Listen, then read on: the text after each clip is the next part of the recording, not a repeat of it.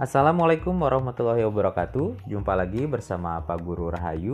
Bagaimana kabarnya sahabat Tufaska? Semua sehat-sehat saja kan? Kali ini saya akan membahas mengenai bagaimana mengatasi anak saat melakukan kesalahan. Tentu anak tumbuh disiplin bukan karena kepatuhan atau ketakutan, melainkan karena kesadaran dan kepedulian.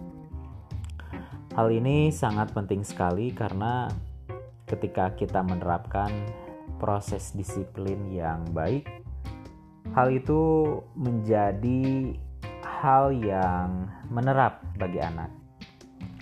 Ada quotes yang menarik bagi kita semua untuk dapat dipahami.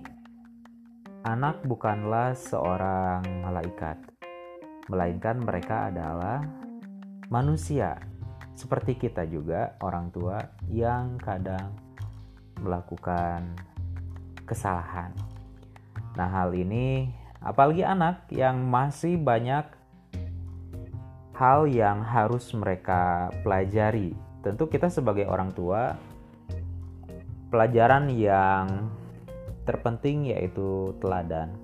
Ketika melihat sebuah kesalahan reaksi dari kita sebagai seorang tu orang tua yaitu marah. Hal itu pasti akan menjadi teladan bagi mereka ketika kelak mereka menjadi seorang orang tua juga. Nah, hal ini kita harus memutuskan mata rantai negatif jangan sampai sikap negatif tersebut dicontoh atau dikopi bagi anak kita. Di sini terdapat tiga hal utama yang kita harus lakukan untuk menanggulangi kesalahan yang anak lakukan. Yaitu yang pertama yaitu menerapkan konsekuensi yang berhubungan dengan kesalahan. Misalnya meminta kakak atau anak kita berusaha untuk memperbaiki mainan yang dirusak. Mainan tersebut mainan milik temannya atau milik saudaranya, meminta memperbaiki mainan yang dirusaknya bukan mengurungnya di sebuah ruangan. Nah, hal ini sangat penting misalkan eh, terjadi sebuah konflik di rumah kita, anak kita merusak eh, barang milik kita atau barang yang ada di rumah punishment yang sangat tidak tepat ketika menghukum seperti menjewernya atau mengurungnya di dalam ruangan. Hal ini sangat menimbulkan trauma tersendiri bagi anak. Bukan e, mengkoreksi kesalahan dianya sendiri akan tetapi menimbulkan trauma dan pada akhirnya memang timbul rasa kesal kepada kita sebagai orang tua hal ini memang perlu dihindari. Yaitu yang kedua, menerapkan disiplin yang masuk akal sesuai dengan usia anak. Misalnya ketika anak tidak sengaja menumpahkan air, maka kita mengajak anak tersebut untuk membersihkannya sesuai dengan kemampuannya sendiri. Nah, ini uh, hal yang kita bisa lakukan secara fun bersama untuk dapat membersihkan. Memang uh, manusiawi ketika kita melihat uh, anak kita menumpahkan sesuatu, mungkin kita uh, spontanitas kaget atau uh, bereaksi. Namun kita harus uh, mulai dari sekarang belajar sedikit demi sedikit ketika ada kekagetan atau spontanitas sikap yang kita lakukan coba direm dan mengajak anak kita untuk bersama-sama membersihkan sesuai dengan kemampuan usianya. Lalu eh, poin ketiga, kita tidak melakukan kekerasan baik fisik maupun melukai perasaan anak. Nah, ini kekerasan e, verbal itu termasuk ke dalam kekerasan juga. Karena anak sama seperti kita orang tua memiliki perasaan juga. mereka juga sama memiliki uh, perasaan yang sangat halus, memahami kata-kata kita, maka kita tidak menjewer.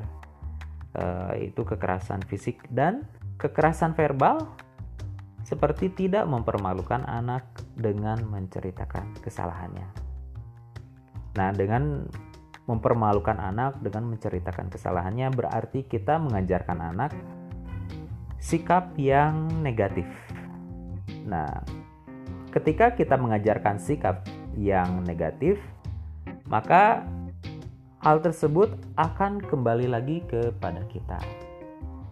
Seperti misalkan kita memarahi anak,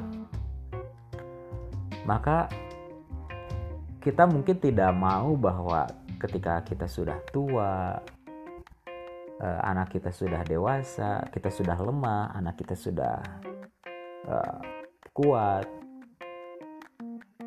maukah kita ketika kita dimarahi oleh anak ketika kita membutuhkan pertolongan mereka? Tentu tidak mau. Nah, maka apa pun yang kita ajarkan kepada anak itulah yang akan kita tuai nanti pada suatu saat nanti. Nah, sebagai orang tua tentu kita ingin bahwa anak kita disiplin namun dengan cara-cara yang positif. Nah, bagaimana cara menumbuhkan disiplin diri pada anak? Yaitu yang pertama, hindari memberikan iming-iming agar anak mau berperilaku baik. Misalnya menjelaskan pada anak bahwa mandi akan membuat dirinya nyaman, bukan karena akan mendapatkan hadiah setelah mandi. Kita sebagai orang tua dapat membuat uh, kegiatan mandi atau kegiatan lainnya dengan menyenangkan. Misalkan pengalaman saya sebagai orang tua uh, pernah mengajak anak itu harus naik punggung dulu atau misalkan uh, saya sebagai hewan kuda dan anak saya sebagai penunggangnya Hal itu sangat menyenangkan sambil uh, tertawa riang atau bahagia. Nah, bisa uh, sahabat Tufaska di rumah nanti dicoba hal-hal yang sangat disukai oleh anak, misalkan berimajinasi bahwa bisa membeli uh, sabun yang banyak busanya dan hal-hal yang menarik yang dapat uh, dengan putra-putri atau anak kita kerjakan selama kegiatan mandi atau misalkan kegiatan belajar e, dimulai dengan kegiatan yang menyenangkan. Karena e, banyak para ahli yang mengatakan bahwa anak itu memilih sesuatu hal tidak berdasarkan dengan logikanya akan tetapi dengan perasaannya jadi ketika perasaannya senang perasaannya gembira maka dia e, mau memilih untuk uh, melakukan kegiatan tersebut.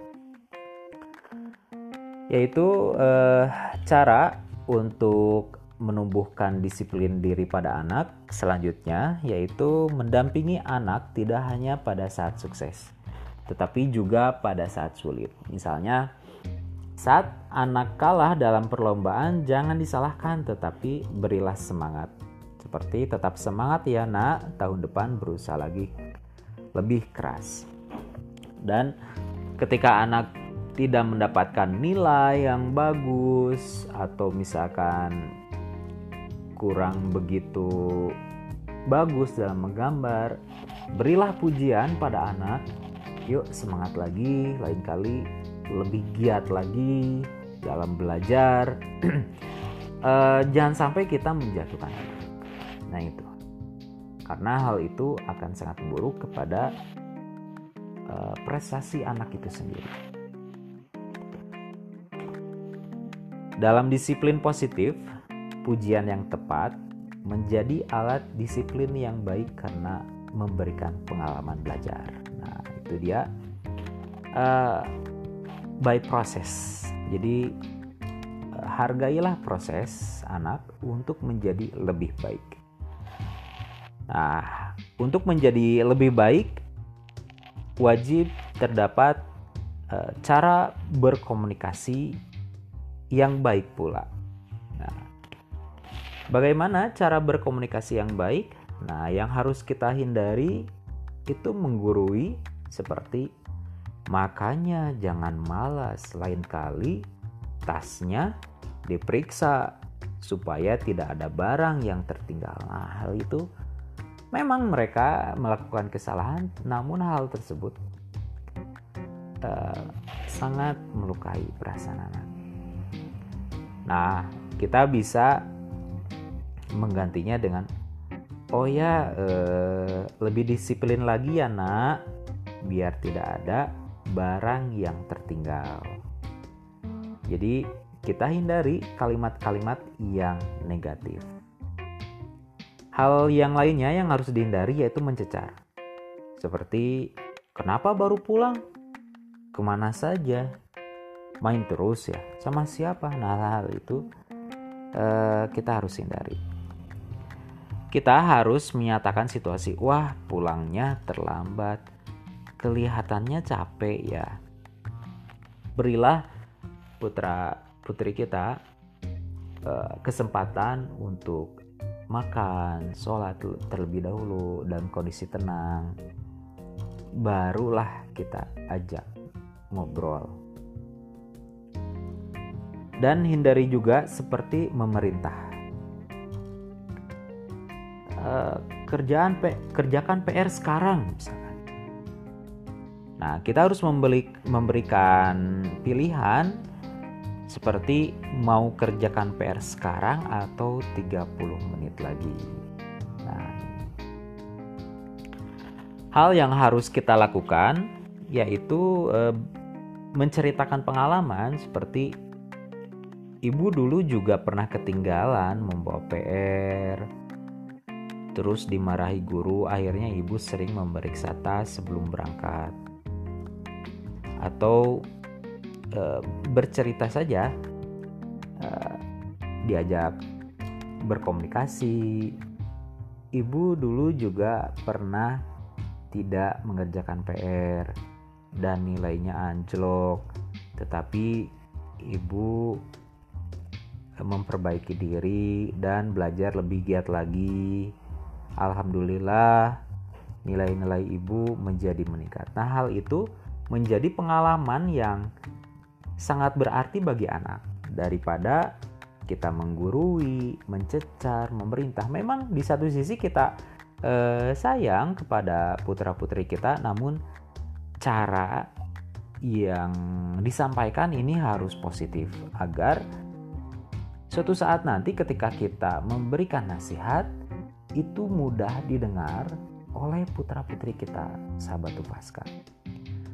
Kadang pernah eh, saya menerima konsultasi dari seorang orang tua, kenapa ya anak saya sepertinya tidak mau menerima nasihat dari saya sebagai orang tuanya. Nah, hal itu mungkin yang harus dikoreksi dari orang tua yaitu komunikasi positif. Seperti menceritakan pengalaman, menyatakan situasi, memberikan pilihan. Seperti tadi Eh, ketika kita ingin mengingatkan mau mengerjakan PR dulu sekarang atau nanti ya eh, sekian menit lagi atau 30 menit lagi ketika eh, anaknya sedang eh, capek atau sedang mengerjakan hal yang lain.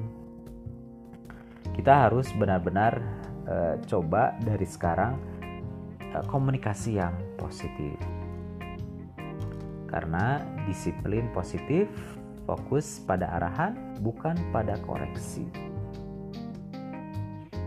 Nah, tentu kita harus tahu bahwa kita eh, anak kita memiliki hak untuk dipuji dan uh, diberikan saran. Lalu bagaimana sih uh, cara memberikan pujian dan saran atau kritik yang baik?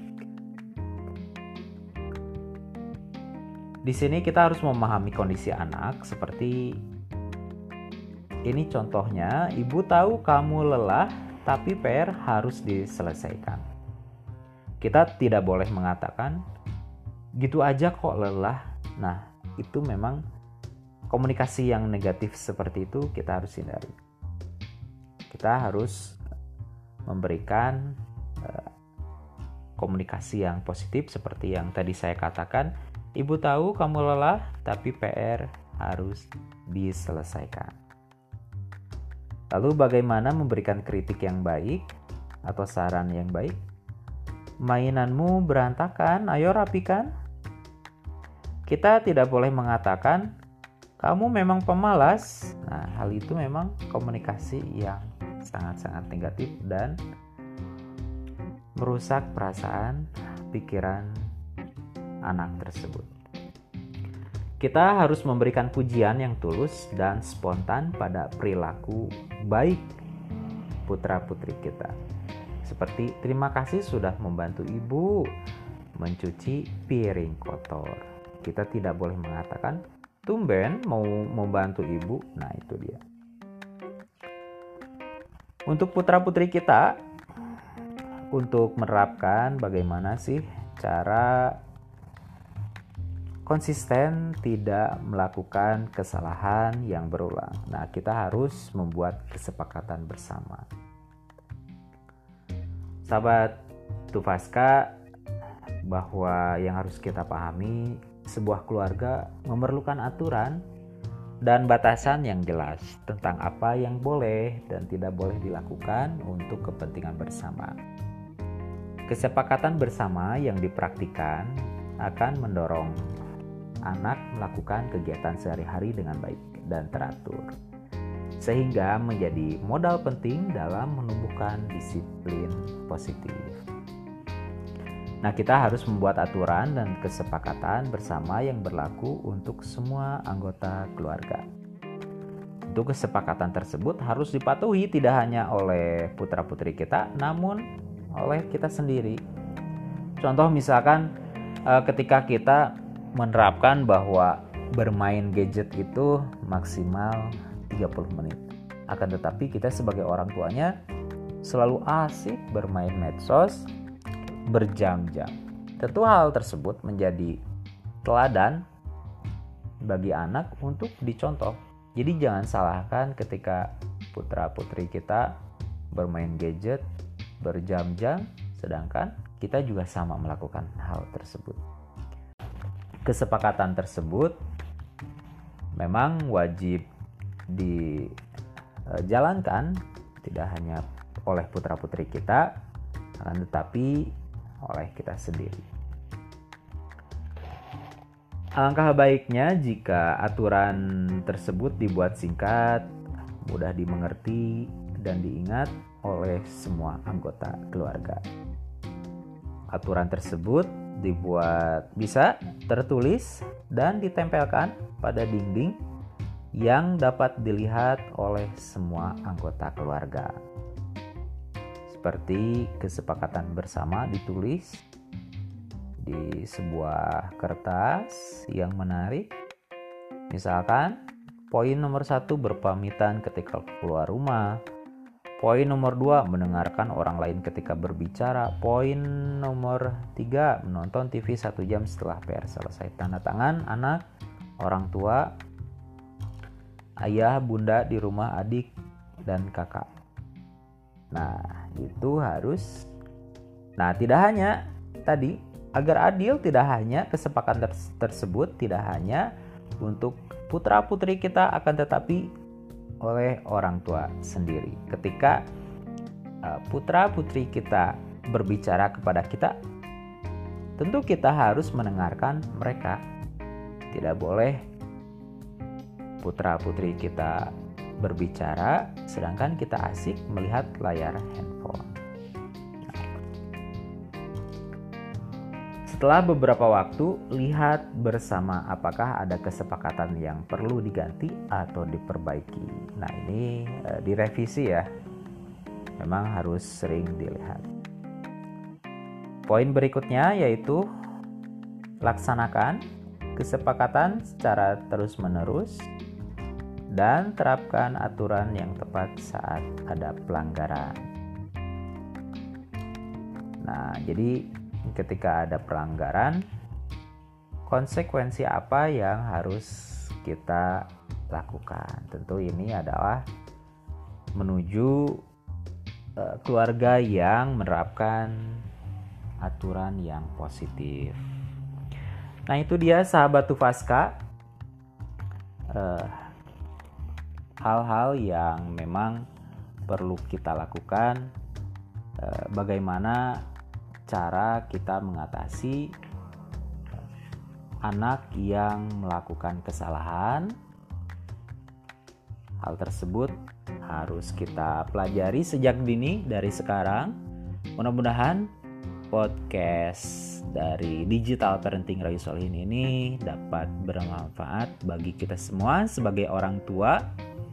Kalau tidak dimulai dari sekarang, kapan lagi?